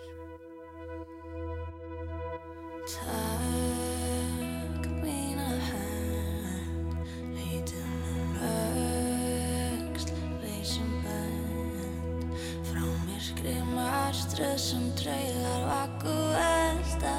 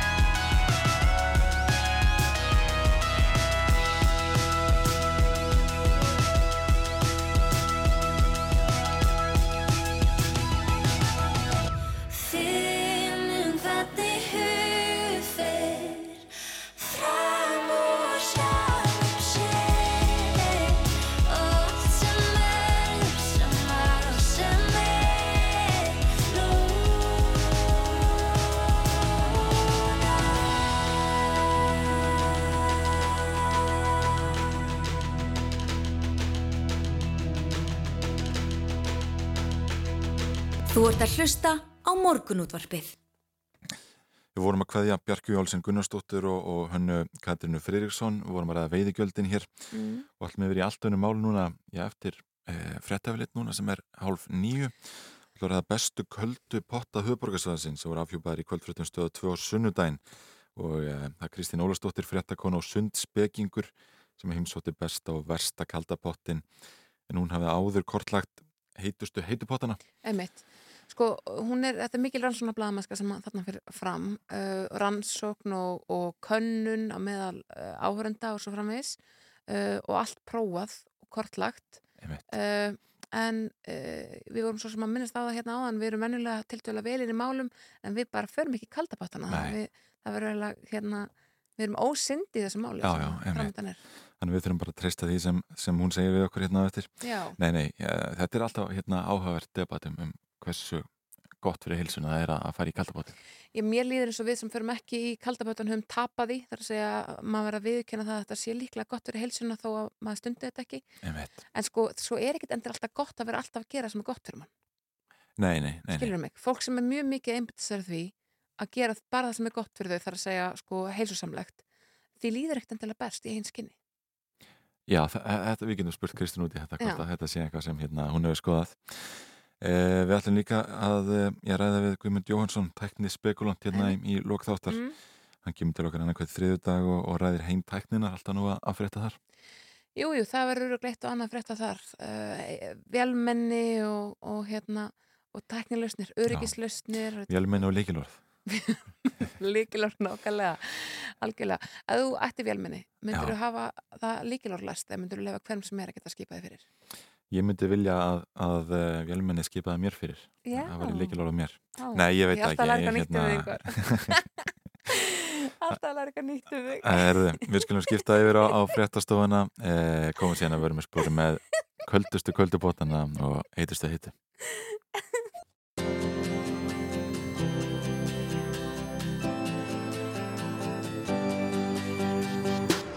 Þú ert að hlusta á morgunútvarpið. Á Rástvö. Jújú, fréttafrétta bæki og morgunúttarpið heldur hér áfram en bestu köldupottar höfuborgarsvæðisins voru afhjúpar í kvöldfréttum stöða 2 á sunnudaginn eftir að niðurstöðu lágu fyrir í óformleiri könnun fréttastofunar og Kristín Ólastóttir fréttakona og sundspekingur er hinga komin, góðan daginn. Góðan dag, takk fyrir að fá mig. Þið talið um óformlega könnun fréttastofu. Sko hvernig fer svona könnun fram á, á eh, bestu og verstu köldupottum höfuborgarsvæðisins Sko, þetta er í könnunar, e- eitthvað app hálgerst sem að við notum stundum, það er svona eins og í kostningu á svona einhverjum tónlistavelunum skils mér að þetta hafi verið notað, þetta er bara svona hrein og bein netkostning í rauninni. Þetta, það er, þú veist, þetta er ekkert, þetta er ekki eins og þessar, hérna... Svona eitt atkvæði á hverja kúki í Já, veru. já, í raun mm svoleiðis, bara svona, já, mjög óformlegt eins og, eins og ég segi. Já, En það voru þúsundur sem tóku þátt? Já, á sjönda þúsund sem að kausu um hérna, besta kaldapottin. Þannig að fólk er, fólki, fólk hefur skoðun á þessu, greinilega. Einmitt. Og, og hver er besti potturinn og hver er vesti potturinn? Herðu, sko, það var Áskarslaug í Garðabæ sem að hafði vinningin, sem besti potturinn sér satt. Og Já. bara með, bara nokkuð afgerandi hætti. E, hann, og ég mitt prófaði hann og líkaði vel, hann er svaklega góður. Já, hvað er svona gott við hann? Uh, svona eins og ég lýsi í, í fréttinni hérna, að þá er hann svaklega þægilegt að komast ofan í hann. Uh, hann er svona í kaldara lægi no. já og hérna Ég held að það væri bestur að það væri svolítið að slíta Nei, það er einmitt sko, hann er akkurat held ég á þessu svona góða bili. Og svo er bara einhvern veginn, þú veist það er hérna gott svona útsýni yfir laugina úr honum, Mm. hann er hérna gott að sitja, svo getur maður líka staðið. Hann er bara, hann er bara mjög vel hannaður. Og hann verið svona var einn af þessum svona fyrstu svona, svona íburðarmiklu ef þannig maður orðið komast svona köldupottum á höfuborgarsvæðinu skils mér. Þannig að það er svona mikil, mikil stemming í garabænum fyrir kælingum. Sko, þú talar um íbyrð og mikla kalda potta. Það er ekkert mjög mörg ár sen að við fórum að sjá þarna kerin mm Mhm. alls þar þar sem að þarf að lappa svona aðeins upp Einmitt, og onni já. voru þau að skora hátt á, í, í einhverjum listum? Sko, ég skoðaði það ekki sérstaklega en nei, ég men- ég meina með við þessar, sem, þessar fimm efstu, þeir eru allir svona flottir hérna nýlegir sko, Já, já. svona flísalagðir og hérna og einmitt svona hugsun á bakvið og, og flestir held ég svona sérstaklega eh, hérna, gerðir sem kaldir pottar. Já, Þetta er ekki einhver svona, svona eftir á hérna, redding. Nei, einmitt. Þú talar um að það er stemming fyrir kaldabottunum hann í Garabæ. Já. Eh, þú náttúrulega prófa pottin. Já. Er fjöldi fólks mættur þá þegar í pottin, eh, sko, hvaðan að var af höfuborgarsvæðinu? Sko, þegar ég kom, þá svona virtist þetta vera, ég náttúrulega kom að degi til og þar voru svona fasta gestir, greinlega svona rótgrónir gar garbæðingar sem ég mynd rætti við í fréttinni, eh, en sko, svona þegar ég setti þessa könnu í lofti og fór að ræða þessi mál, að þá er mitt ég var að tala við hérna vinkonu mína bara úr vesturbænum og hún sagði strax, já, já, ég kaus áskarslaug. Mm. Og þannig að þetta er greinilega, hann, hann nær, tegir sig út fyrir mörk garðabæðir, sko, verist vera, og greinilega. Vestbæðalöginu þetta vinsæl en en þar er potturinn sko kaldapotturinn er gamli badnapotturinn svona þekktist. Já, En hann einmitt. er ekki sérstaklega gerður sem Nei, kaldapottur. akkurat. Hann, ég mitt er úr Vesturbænum, var hérna í skólasundi og buslaði hérna í þessari fyr, fyrirverandi vaðlaug. Mhm. um, en já, hann hérna, hann nýtur ekki hilli, hilli já. Nei, einmitt. Enda akkurat svona eins og ég lýsi aftur í, í fréttinni að þá er hérna aðgengi er ekki til fyrirmyndar í Ah. honum til dæmis. Nei, nei. En þú ræði líka við sérfræðingi í þessari frétt Mhm. og það deilti það hvort þetta sé gott fyrir mann að vera að fara í kaldabottin. Já, akkurat. Er einhvað veit í þessu? Sko, hann er, hérna, ég talaði við Björn Rúnar Lúvíksson sem er, hann er yfirlæknir á landsbítala og hann er prófessor í ónæmisfræði og hann er sjálfur mikill unnandi kaldra baða. Hann reyndar fer mm, hérna í sjósund, sko. Þannig að hann hefur skoðað þetta mikið og hann talar um, uh, sko, þetta svona kannski, þetta virkar svona kannski best sem, eða það er alltaf svona vísindi sem styðja þetta sem svona verkjameðferð. Þú veist að kælingin hafi, hérna, áhrif að maður er einmitt. Að þú hættir að finna fyrir líkamannum bókstallega. Já, allir, allir ekki og þetta kannski svona slæra á einhverjar, þú veist, svona, maður er svona bólgin og þrútin og eitthvað, Mm. án þess að ég, ég er náttúrulega ekki sérfræðingur sjálf, en hann segir einmitt að, hérna, svona til þess að ná sem mestum áhrifum fram að þá sé miða við að maður sé ofan í pottinum í 5-10 mínútur og hitastíð á vatninu eigi að vera svona 6-10 gráður. En svo náttúrulega, þú veist, aðalatriðið er samt að passa sig, fara varlega þegar þetta getur náttúrulega verið þú veist, hættulegt eða þannig, ef maður hérna fyrir úr geist og hlustar ekki á líkamann og, og svona, og ég held í- fyrir mig, ég fer alltaf í, í kaldapotinu mitt í vest, vestubæði laug það er mín laug um, fyrir mig er þetta bara svona svona, svona valdefling, þú veist að hérna, svona hressandi og hérna, og ég er alltaf bara kannski tvær, þrjár mínútur, það er svona mitt Þegar þú hafði nú þegar sko kortlagt bestu heitubótana. Mm, já. Þannig að margir sem stunda það að, að fara úr heita í kalda, Já. heita kalda. Einmitt. Eh, Er eitthvað samræmið þarna milli? Sko, ég spurði hann einmitt út í þetta eh, hvort að hérna veist, að eins og, eins og ég gerði þetta ég svona jafna mig á bakkanum á milli um, og fer í kalda jafna, jafna mig á bakkanum í nokkrum mínútur og fyrir svo ég heita. Eh, hann, hann sagði, Björn Rúnar að, að það væri raunar sko ekkert því til fyrirstöðu þannig að fara beint í heita eftir kalda ef maður er svona almennt hraustur sko. Þú veist, en hann nefndi þú veist, ef þú ert með einhverja hjarta eða æðasjúkdóma eða taugasjúkdóma sem að gera það að verkum að, að þú átt svona erfitt með einhvern veginn að svona stilla líkamann af að þá er ekki mælt með því Nei. þannig að þetta er bara, eins og ég segi, ég held að almennt bara að fara En finnur sko sömu bestu heitubótana á Mm. sömu stöðum að finna bestu köldubótana? Það er góð spurning, sko, það, ég náttúrulega var kannski ekki beint að þetta var svona smá önnur nálgun hérna í heitustu. Já. Ég var í rauninni bara að, að finna sko heitustu, ekki endilega bestu. Nei. Mér sko Heitustu for, heitustu forvitni á að vita hvar þeir heitustu voru. Bara öfgan á milli. Já, Mm. einmitt. Hérna, uh, en mér persónulega finnst besti heitasti bóturinn í Vesturbæðalauginni. Já. Minni laug, sko. Já. Þannig, að- en ég, þetta er áhugaverð punktur. Það er Ég að tala ég um veit ekki- gömlu pottana sem eru hérna Já. viku, bæðið ekki stóra nýja. Nei, nei, ég er að tala um hann heitasta heitasta sem er Já. 43,5. En er ekki gæði heitapotta, sko, þá er ég ekki að tala um heitast þeirra, menn er ekki gæði heitapotta mælt í því hvað fólk leggur komursinu þangað? Jú, svo er það, náttúrulega. Eins og, eins og hérna, viðmældi minn í áskastlegu sagði, sko, það er svo skemmtilegt fólk í þessum potti. Já. Það er það sem gerir hann besta kalda pottin. Er það ekki? Þannig að, jú, ég meina, það, það er það sem skiptir mest máli. Já. Í þessum sundlega málum. Já, við vorum að ræða aðan að við snær og stundum ekki í kaldabótin. Nei. Er þess fólk að spjalla saman í, í Já, kaldabótin? það er sko annað. Það, s- við rættum með þetta mitt þegar ég var að vinna að þessu, sko, það er svona málum blandið hvort að fólki finnist þetta eiga að vera svona einhvers konar svona hugleðsla, kjörnun e, þar sem að það bara svona bara dettur í algjöran fókus og vil ekkert áreiti til að líka bara svona þrauka en svo eru aðrir sem að vilja dreifa huganum með því að spjalla. Og mér finnst það betra sko að hérna að ræða, ræða við fólk. Og ég mitt talaði við lengi við ágætan manni í hérna kaldabóttinu Vesturbæðalögum daginn sem er alltaf í onni, Já. alveg allur liggur svona flatur.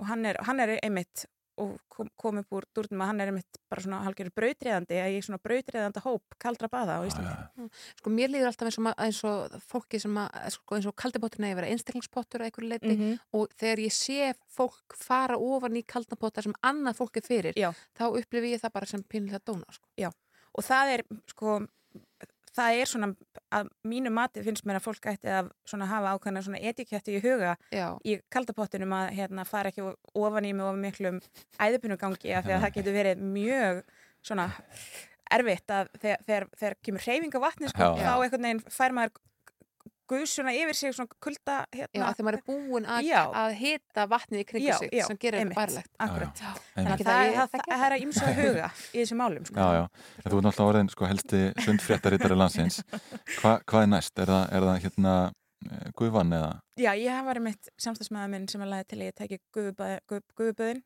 rennibrautinnar, jábel. Já, Þannig að það er aldrei að vita hvað maður gerist. En er gerir. ekki að sama sána, þannig að þú að gera þetta. Já, já, já. Þannig að þetta eru að minnstakosti þrjár fréttir viðbót sem, að, Já, já. sem ég þarf að, þarf að vinna. Svo líka einn fræði og það er hvað er best að synd, synda langt. Er það Já. 15, 25 eða alveg allir 50 myndarnir? Einmitt. Ég finnst þetta skipta miklu máli. Algjörlega. Ég myndi segja að 25 myndarnir vesturbálega séu fullkomnir. Já, ég sammála því. En það þýr auðvitað að maður þarf að fara fleiri ferðir heldur Já. en í lögatislöginni. En það er einmitt, hérna, ég veit ekki, ég verð alltaf svo svakalega þreytt bara á, þegar ég er komin 30 metra. Já. Þú veist, hérna, það er svo gott að geta fá smá andrými til að snúa við. einmitt. Þetta er einmitt, þetta er greinilega mikil já. þarna. og mikla spurningar. Kristín Ólafsdóttir fréttakona og sundspekingur við hlökkum til að fá þið aftur og, og verða einhverja nýjar neyðstöður þegar þær koma Algjörlega, takk fyrir mig.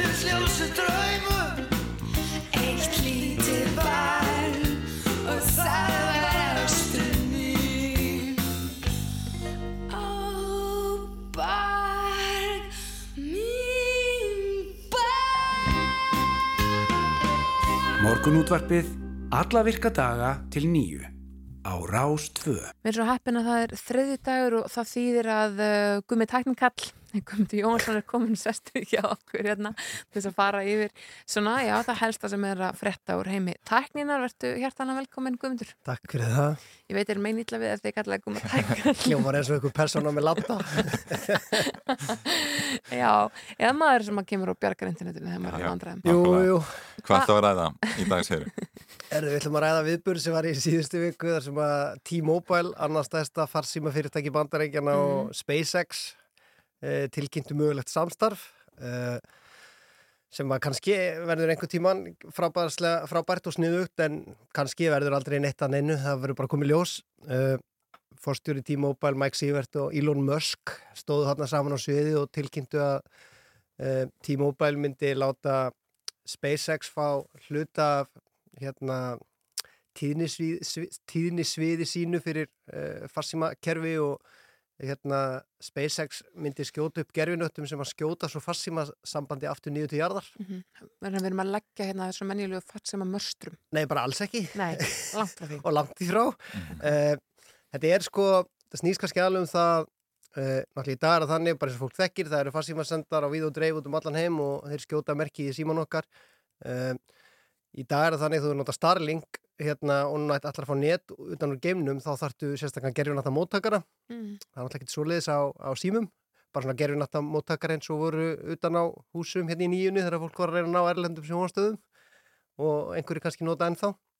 Uh, en símanur okkar eru ekki með neinum svona móttökurum þannig að einhvern veginn þarf að ná að skjóta merkinu niður þannig að símannir okkar náið í og það verður þannig að síminn mun fyrst alltaf leita að svona þessum hefðbunnu farsímasendi eða sendum. Og ef þeir eru ekki fyrir hendi þá mun hann horfa til heimins og reyna að ná merkinu þaðan.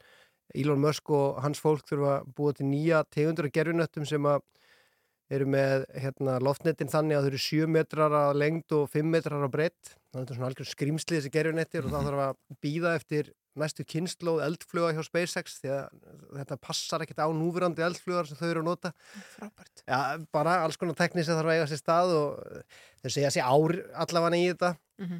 en það er nú oft með svona viðbyrði finnst mér að það er nú oft svona meira verið að tala upp hlutuna heldur en kannski verið að tala um raunveruleikan en það eru bara komið ljós hvað verður en það sem er kannski merkild við þetta er að skulum líta á þetta sem svona einhvers konar leið til að koma neyðafjarskiptum til jarðar. Þetta er ekki eins og ég segi að fara að taka við af uh, hefðbundum hérna, fjarskiptum okkar.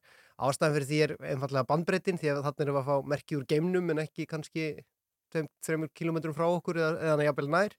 Uh, hraðin segja þeir, sögðu þeir félagar vera 2-4 megabitar á sekundu og svona ef við setjum það í samingi fyrir fólk að þá er, ef þú myndir gera hraðapróf yfir 4G-kerfi hérna á höfuborgarsvæðinu þá farið kannski 100 megabita.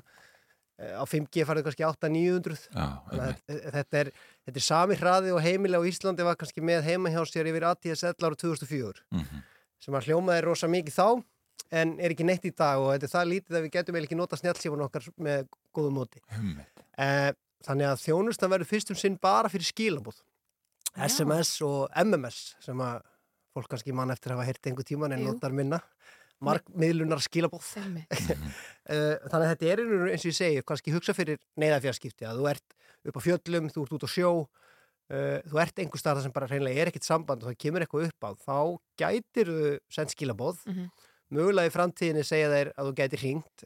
Síðan þetta skil ekki okkur ekki hægt bara strax frá uppáðu því að símtölu nota mjög litla bambreytt Mhm. Þú gæti komið sko tugum símtala fyrir í einu í 24 megabitum en það lítur verið ykkur ástæði fyrir þessu vantilega einhvað varandi með byggtíma eða annað því þú ert að skjóta merkinu upp í geim Mhm. en það sem er kannski merkilegt í þessu er að þarna þetta gæti mögulega þýtt að T-Mobile og, og SpaceX verður þá undan einu stærsta tæknifyrirtæki heims því það er búið að tala um í mörg ára að, að hérna, Apple sé að fara í þessa sumu vegferð og það svona fekk byrjundu báða vangi þegar að í vor þá var Global Star sem er eitt stærsta gerfinata fyrirtæki heims þá tilkynntu þau að þau hefðu gett samning við stór tæknifyrirtæki um uppbyggingu og nýju fjarskiptakerfi og að stóra tæknifyrirtækið ætlaði að kaupa 13 gerfinetti til að byrja með Mhm. og það hefur talað við mörg ára að Apple ætla að gera akkurat þetta og að einhvers konar framtíðar útgáfa af iPhone muni styðja það að geta talað við, við geiminn að geta hort til heimins og náði fjarskiptamerki úr, úr geimnum.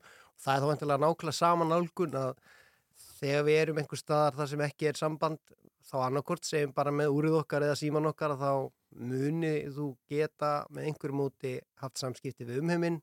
E, þá eins og ég segi til í neyðar neyðarsamskipti já, af því að þú veist, gerfinættasímur er alveg til í dag og þeir eru minna kannski bara á gamaldags GSM síma með stóru loftneti. Það er auðvitað það sem fólk notar þegar að fer á Mount Everest eða þessi hættu, á þessa hættulegu Mhm. staði þar sem er engin innviðir, það er það sem fólk notar á hérna Norðupólnum og Suðupólnum og það er bara við að notað. Mhm. ekkert nýtt en það eru sérstakir símar með reisastór loftnet.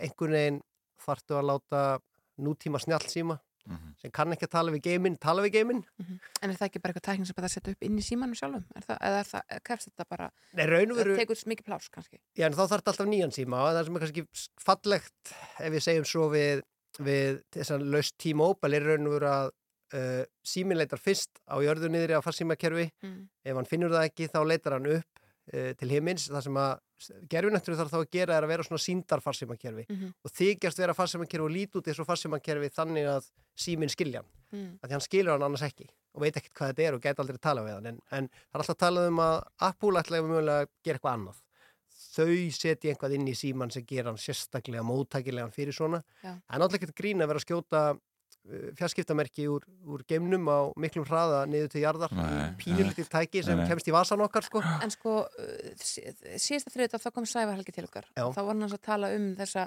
gerfin þetta svona slöngu sem að væri komin á loft frá SpaceX það er og- Starlink. Eh, en hann er líka oft talað um allt geim rustlið sem að er allt í kringum jörðina Já. þetta fyrirkomulag að Elon Musk sé að skjóta upp endalausum einhverjum, einhverjum gerfinöttum um, svo við séum með hérna, sambandum alla jörð Já. það hlýtur að auka þetta rusl alveg greiðarlega Þetta eigur á ruslið, þetta mun hafa áhrif á fjölmörg hérna tæki sem bara vísindafólk notar alla daga til að vinna sína vinnu. Þetta mun hafa mögulega áhrif á hérna e, veðumælingar og alls konar svona. En geimurinn er náttúrulega bara vilt að vestrið. Já. Það gilda í lengar reglur sem er svo fárlegt. Já. Að náðu nóg mikið af peningum þá getur það stíð skotið hverju sem er upp í geiminn. Svo ekki gleyma því að Elon Musk skaut Tesla bíl út í geim. Nei, nei, akkurat, já, já, akkurat. Það er gild engin lögum það að þú mátt bara svolítið gera það sem þú vilt gera. Það verðist vera, sem er svo fáránlegt. Og það að skjóta gerfinöttum upp í geim og búa til svona, og er, raun og veru- hann er að teppalegja sko, eh, hérna, himinin í raun og veru. Uh, með ger, svona röð gerfinötta því að þú náttúrulega færð ekkert samband nema að sé alltaf gerfinöttur í, fyrir ofan þig sko. Mhm. og þannig að hann þarf einhvern veginn að ná að búa til það, eða skjóta það mörgum gerfinöttum upp að hann nái að tryggja það að sé alltaf gerfinöttur fyrir ofan mann Mhm. Eh, það er óheirilegt magn á gerfinöttum og ef hann ætlar að gera það þá verðist hann bara geta gert það sem er uh, far, farulegt ef við Já. tölum bara mannamál sko. En líka svona skamsýnt eh, með allt að geimurusl að það einhvern veginn bara halda áfram að, að hrannast upp eins og maður komast og við getum ekkert gert í því Nei, nei, reynda með gerfinetti á áðurinn þeir myndu dett úr sambandi eða bara verða búnir, þá gætur þú sett þá af leið, þannig að þeir bara reynilega brenna upp sko, Já. þannig að það er hægt að gera einhvað en það breytir í samteki að þetta er ótrúlega sóun eins og þetta er töff, eins og þetta er cool að maður getur fengið internet úr geimnum eins og ekkert sér sjálfsara Mhm. þá er þetta ekki bara að segja það, þetta er svona pínu della og maður átt að sé stundum ekki á hvaða vandamáli verða að leysa. Vissulega eru, eru hérna tækifæri fyrir svona þjónustu en ég myndi segja að hún var ekki á byggðu bóli þar sem innviður eru fyrir hendi og fólk er með 4G og 5G og aðgang á ljósleðara þá þarf ekki hérna gerfinata internet. Þetta er sniðugt klálega í stríðsráðum svæðum bara þar sem að það er búið að klippa á innviði eða þar sem eru náttúruhamfarir þá mögulega getur þú bara skellt upp litlu móttakara og þú farið internet Já. klálega virkar það en það eru samt til aðra leiðir og það er oft fyrir notaðar aðra leiðir í að koma e, fjarskiptum á stað, staði þar sem að einhvað gerist eins og náttúruhamfarir og bæði hérna Google var með verkefni sitt Project Loon þar sem notuðu loftbelgi sem voru með 4G sendum á sig skutu 4G merki niður til jarðar, virkaði mjög vel tók bara tvo daga held ég fyrir þau að skjóta því upp í hérna, Porto Rico þegar voru hamfarir þar. Veist, það eru til aðra leiðir umhverfisveitni einfaldari heldur en að vera að skjóta dót út í geim. Mm. Ég held að það sé ágætt lokaður Guðmundur Jónsson, teknísar fræðingurinn okkar Takk fyrir að, að kíkja til okkar, við lókum til að fá það aftur já, þar næsta þrjóðdag. Þá ætlum við að tala um Apple-kynninguna sem verður 7. september okay. þannig að kannski verður talað um gerfinetti þá Já. Frábært, við lakum bara til, takk hella fyrir komuna Takk. Við komumst ekki lengra í dag, þetta er búið að vera frábært hjá okkur og gaman eins Já, og já, alltaf eins og alltaf bara, Já, eða ekki. Uh, við erum búin að fara við og vorum að ræða hérna um uh, já, köldustu og bestu köldubottana og heitustu heitubottana. Mhm. Við rættum aðeins veiðigjöldin hér áðan, uh, við rættum sömulegis uh, já, svona aðgeri gegn ofbeldi hjá Ríkislauruglustjóra og ofbeldis varnar, forvarnarskólan. Já, svo rættum við Vegatotla og uh, Alessandrs völl á Söðakröki en uh, ég held að það sé bara komið gott Þakku fyrir samfélgina í dag.